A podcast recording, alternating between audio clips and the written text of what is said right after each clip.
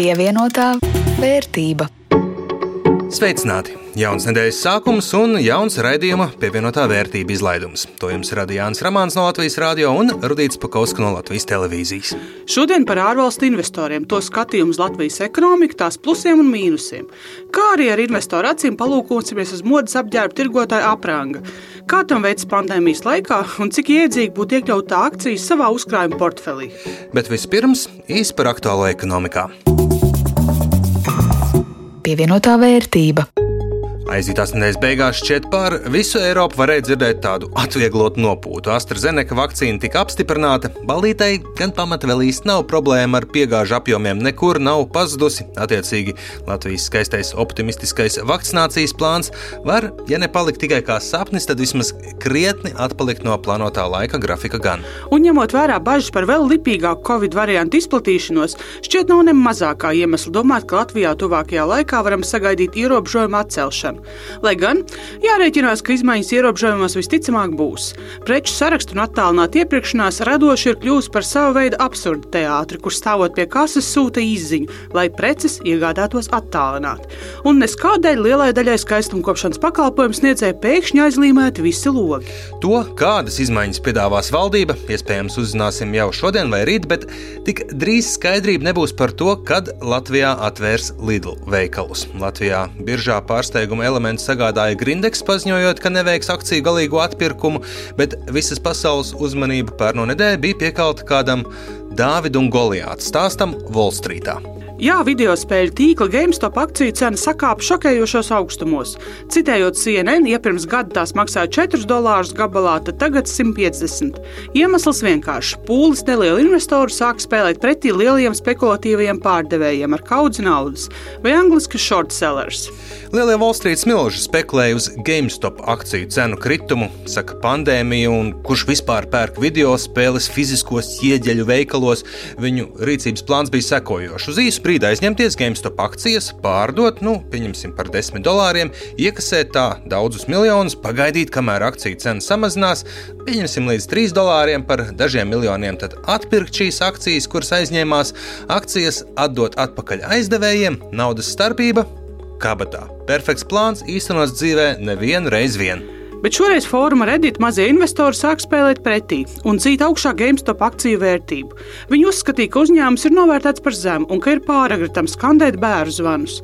Akciju cena tiešām uzlec nebijušos augstumos, un spekulatīvie pārdevēji ir sprukās.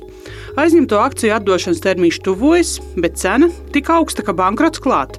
Kopējie zaudējumi fondiem tiek lēsti vairāk nekā 13 miljardu dolāru, jeb tuvāk mājām, tas ir vairāk nekā šā gada Latvijas valsts budžeta izdevuma daļa. Bet šim Dāvidam un Goliāta stāstam sekas varētu būt daudz plašākas nekā viens uzņēmums ar augstu akciju cenu un nopietnu bankrota risku pāris Wall Street haizivīm.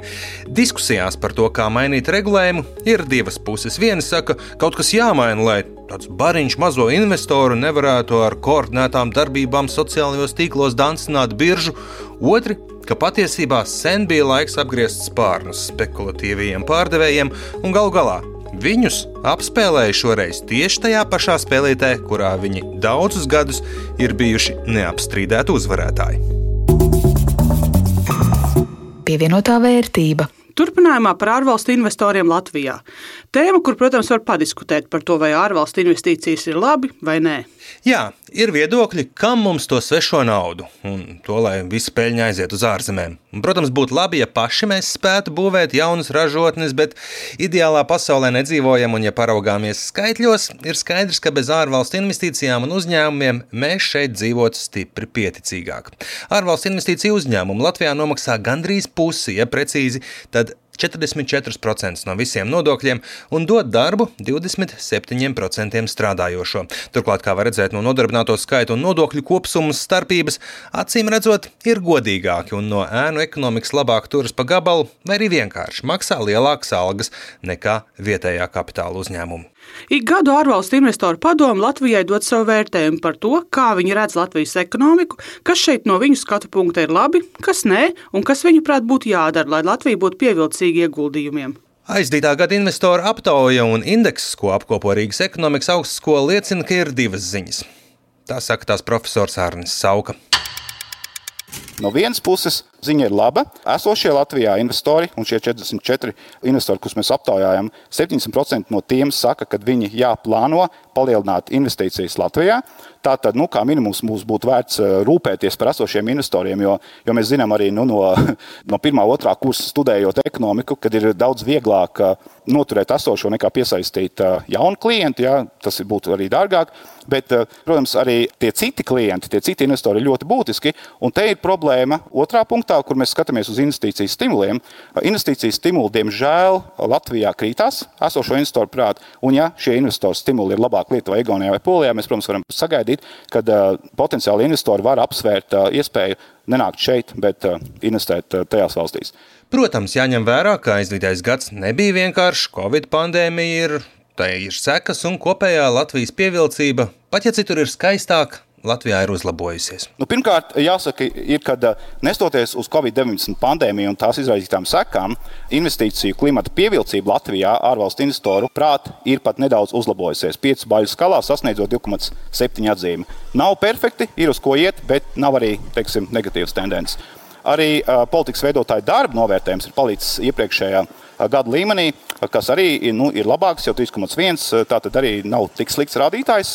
Man, godīgi sakot, šis ir patīkams pārsteigums. Un viens no izskaidrojumiem šiem diviem nu, tādiem pietiekoši pozitīviem rādītājiem varētu būt tas, ka ne visiem ārvalstu investoriem ir šis gads bijis neveiksmīgs. Mēs apmēram redzam, ka 50% mazliet vairāk no aptaujātajiem investoriem ir vai nu saglabājuši savus darbības rādītājus iepriekšējā gada līmenī, 19. gada līmenī, vai pat uzlabojuši. Te var runāt, protams, gan par to, ka šādiem uzņēmumiem ir lielāks resurss pēc būtības, bet arī par to, cik viņi var būt produktīvi un ko mēs varam mācīties no šiem uzņēmumiem. Nu, te tiešām svarīgi ir piebilst, ka ne visiem arī aptaujātajiem uzņēmumiem ir gājis labi, un arī tiem, kas, kam ir gājis labi, viņi tomēr uzsver, ka arī lai sasniegtu tos pašus rezultātus, kas viņiem ir bijuši, nu, ir bijis daudz, daudz vairāk jāstrādā un daudz, daudz vairāk jāinvestē. Tas, tas process ir bijis eh, sarežģītāks un grūtāks. Ja runājam konkrētāk, kas tad ir tās lietas, procesi, kur padara investīciju vidi labāku un kuras jomas ir problēmas, tad jāteic, investori norāda uz tām pašām problēmām, kas satrauc arī vietējos uzņēmumus. Trīs būtībā jomas, kur ir vismazākais progress bijis eh, Latvijā investīciju vidas teiksim, kopumā kvalitātē - demogrāfija, nenoteiktība un arī nodokļu sistēmas kvalitāte. Joprojām uh, ārvalstu investori nav īpaši apmierināti ar ēnu ekonomikas darbību, un arī teiksim, ar, ar likumdošanas kvalitāti. Tās varētu būt jums, kur varētu būt uzlabojumi. Toties finanšu sektora stabilitāte un valdības atbalsts, būtībā komunikācija ar valdību kā tāda, ir tās jomas, kur ārvalstu investori atzīst uh, vislielāko progresu. Par zināmu progresu ārvalstu investori runā arī veselības sistēmas kvalitātes jomā, izglītības zinātnes jomā, arī tieslietu sistēmas jomā. Te gan tiešām mēs no intervijām redzam, ka, lai arī progress kā tāds tiek novērtēts, investori tomēr saka, ka nu, tas ir vairāk šis vērtējums, progresa vērtējums ir vairāk iesākto reformu darbu dēļ, nevis Kāpēc tie darbi jābūt izdarīti? Jā, piemēram, tieslietu sistēmas kvalitātei investori ļoti liels cerības liek uz ekonomikas jautājumu. Tiesu grib redzēt, kā tas praktiski strādā. Mēs varētu runāt līdzīgi par veselības sistēmu, arī par izglītības un zinātnes sistēmu. Pandēmijai ir arī kāds pluss, ja raugāmies no uzņēmuma puses, mīnus, ja no nodarbināto, tā ir darba spēka pieejamība. Jā, kvantitātes ziņā ārvalstu investori ir apmierināti ar eh, apmierinātāki ar, ar darbspēku pieejamību. Un, protams, tas ir Covid-19 ietekmes rezultāts, kur arī teiksim, bezdarbs ir, ir mazinājies.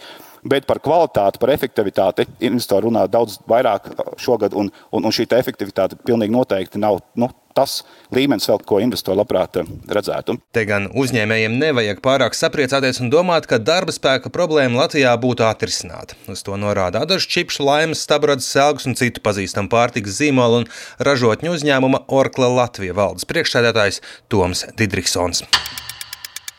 Atgriežoties pie darba spēka, tad šeit Es domāju, ka Covid varbūt eh, ir, ja nu kaut kur kaut kas labs no tā ir, tad, protams, ka dotajā brīdī, kad ir eh, Covid, kad nu, ar darbu spēku teikt, rodās zināms izaicinājums no ražotāja vai no uzņēmēja puses, tā situācija ir varbūt kaut kur vienkāršāka. Es esmu daudz reizes arī runājis par to, ka uzņēmumiem, kuriem ir sezonas teikt, nepieciešamība, uz darbu, papildus darba spēku. Tas ir vienā brīdī mums vajag 200, 300 papildus darba vietas, darba rokas, kuras līdz šim Latvijā, protams, tik vienkārši nav atrodams.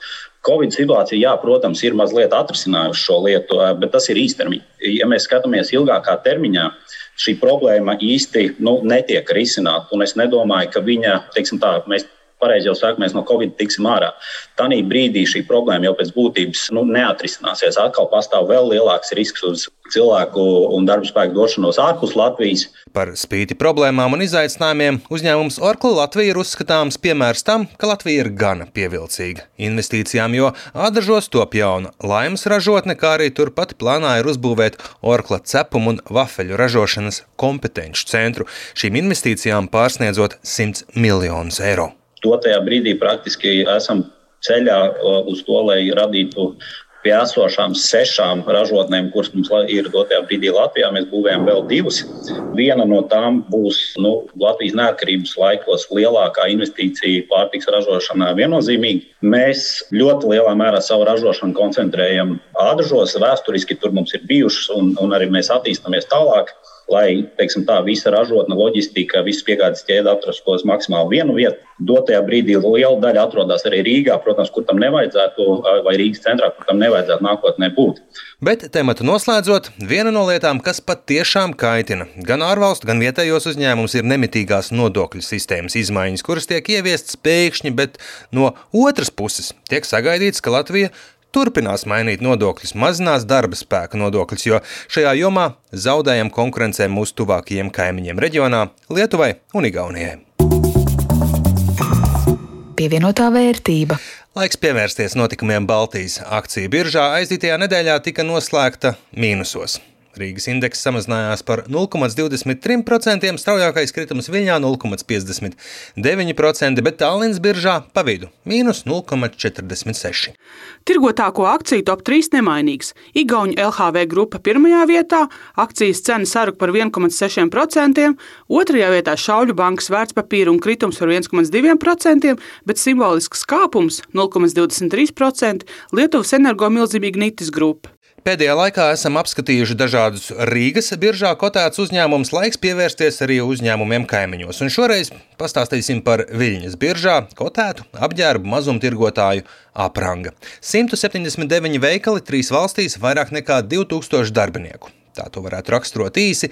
Covid-19 krīze nav gājusi secen arī šim uzņēmumam, un dēļ saruka pērn apgrozījumus, bet kopumā uzņēmums ir veiksmīgs un to kā labu investīciju vērtē arī mūsu ieguldījuma eksperts. Plašāk par aprangas finanšu rādītājiem un izaugsmas potenciālu Lindas Zalāns veidotajā ierakstā. Lietuvas apģērba mazumtirgotāja apranga mazumtirdzniecības apgrozījums pērn bijis vairāk nekā 204 miljoni eiro, kas ir par 17,6% mazāk nekā 2019. gadā. Tā liecina kompānijas sniegtā informācija Viļņas biržai. Par spīti tam, ka pērn apgrozījumi negatīvi ietekmējusi pandēmiju un ar to saistītie ierobežojumi, kompānija atvēra piecus veikalus, rekonstruēja septiņus, bet slēdza 12. 12 veikalus.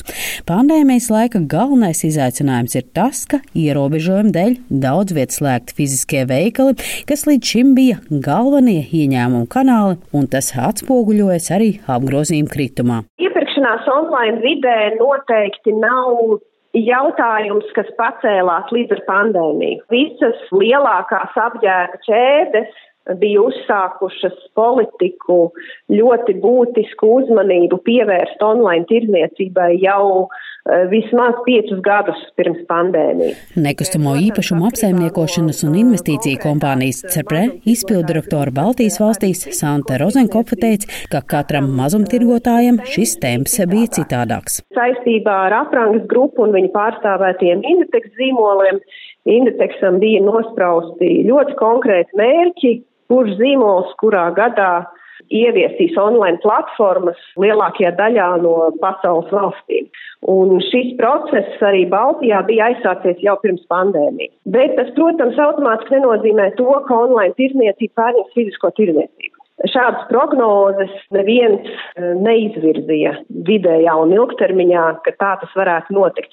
Protams, kaut kādos mēnešos 20. Eh, gadā un tagad 1. ceturksnī 21. gadā lielākā daļa apgrozījumu varbūt tiešām būs caur online, tikai tāpēc, ka fiziskā tirniecība nenotiek principā. Bet visumā normālā situācijā online tirniecībai būtu jābūt ļoti labam papildinājumam pie fiziskās tirniecības. Apranga ir viens no uzņēmumiem, kur veikalos redzam gan dīdzi dienu, kā arī visticamāk katrs no mums tajos vismaz reizi gadā šo un to arī nopērk. Uzkrājuma un ieguldījuma eksperts Kaspars Pēcinieks teica, ka Covid-19 šīs kompānijas finanšu rādītājs ir ietekmējis ļoti tieši. Uzņēmums arī nesen ziņoja, ka 2020. gada decembrī apgrozījums bija par 46,6% zemāks nekā tas bija 19. gada decembrī, un 20. gadā kopumā apgrozījums bija par 17% mazāk nekā 2019. gadā. Un neskatoties uz apgrozījumu kritumu, uzņēmums spēja strādāt ar peļņu, pirmajos deviņos mēnešos es nopelnīju 4,4 miljonus. Ir par trešdaļu mazāk nekā attiecīgā periodā 2019. gadā, bet jebkurā gadījumā šādos apstākļos ir vērtējumi ļoti pozitīvi. 2021. gada pirmajos mēnešos dēļ pandēmijas un ar to saistītajiem ierobežojumiem sagaidāms apgrozījuma kritums. Pēcinieks prognozē, ka ar vājiem rezultātiem šī gada pirmajā un otrajā ceturksnī grūtie laiki noslēgsies un pēc tam sekos strauja atgriešanās pie normāliem apstākļiem. Kopumā varētu teikt, ka Ampangas akcijas šobrīd atspoguļo uzņēmuma apgrozījumu kritumu 20. gadā un, visticamāk, tajā ir iecenot arī 21. gada rādītāji. Tomēr, skatoties priekš, tirdzniecība atgriezīsies normalitātē, pircēji atjaunos garderobu. Kopumā man apranga šobrīd eh, liekas ievilcīgi ieguldīšanai. Situācija uzlabojoties straujāk ir iespējams kāpums akcijas cenā. Tāpat arī valuācija ir relatīvi lēta un signalizē par nu, salīdzinoši izdevīgu laiku akcijas iegādē. Un kā papildus pārliecība par aprangas nākotni var minēt faktu, ka uzņēmuma vadītājs pēdējā laikā diezgan aktīvi uzpērk pats sevis vadītā uzņēmuma aktīvi. Pozitīvā lieta, ka līdz šim uzņēmums maksājas dāsnas dividendes vidēji ap 5 līdz 6% gadā no peļņas. Covid-19 ietekmes dēļ 2020. gadā dividendes netika izmaksātas un visticamāk tas netiks darīts arī šogad, bet tas ļauj uzņēmumam veiksmīgi turpināt darbību un pārdzīvot grūtos laikus. Eksperts prognozē, ka dividendžu izmaksāšanu uzņēmums varētu atsākt nākamajā vai aiznākamajā gadā. Linda Zalāne, Latvijas radio. Pievienotā vērtība.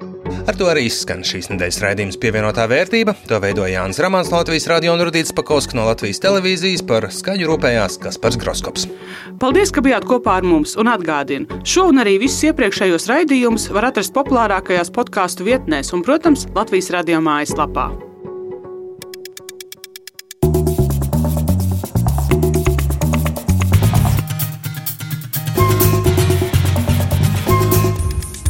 Pievienotā vērtība.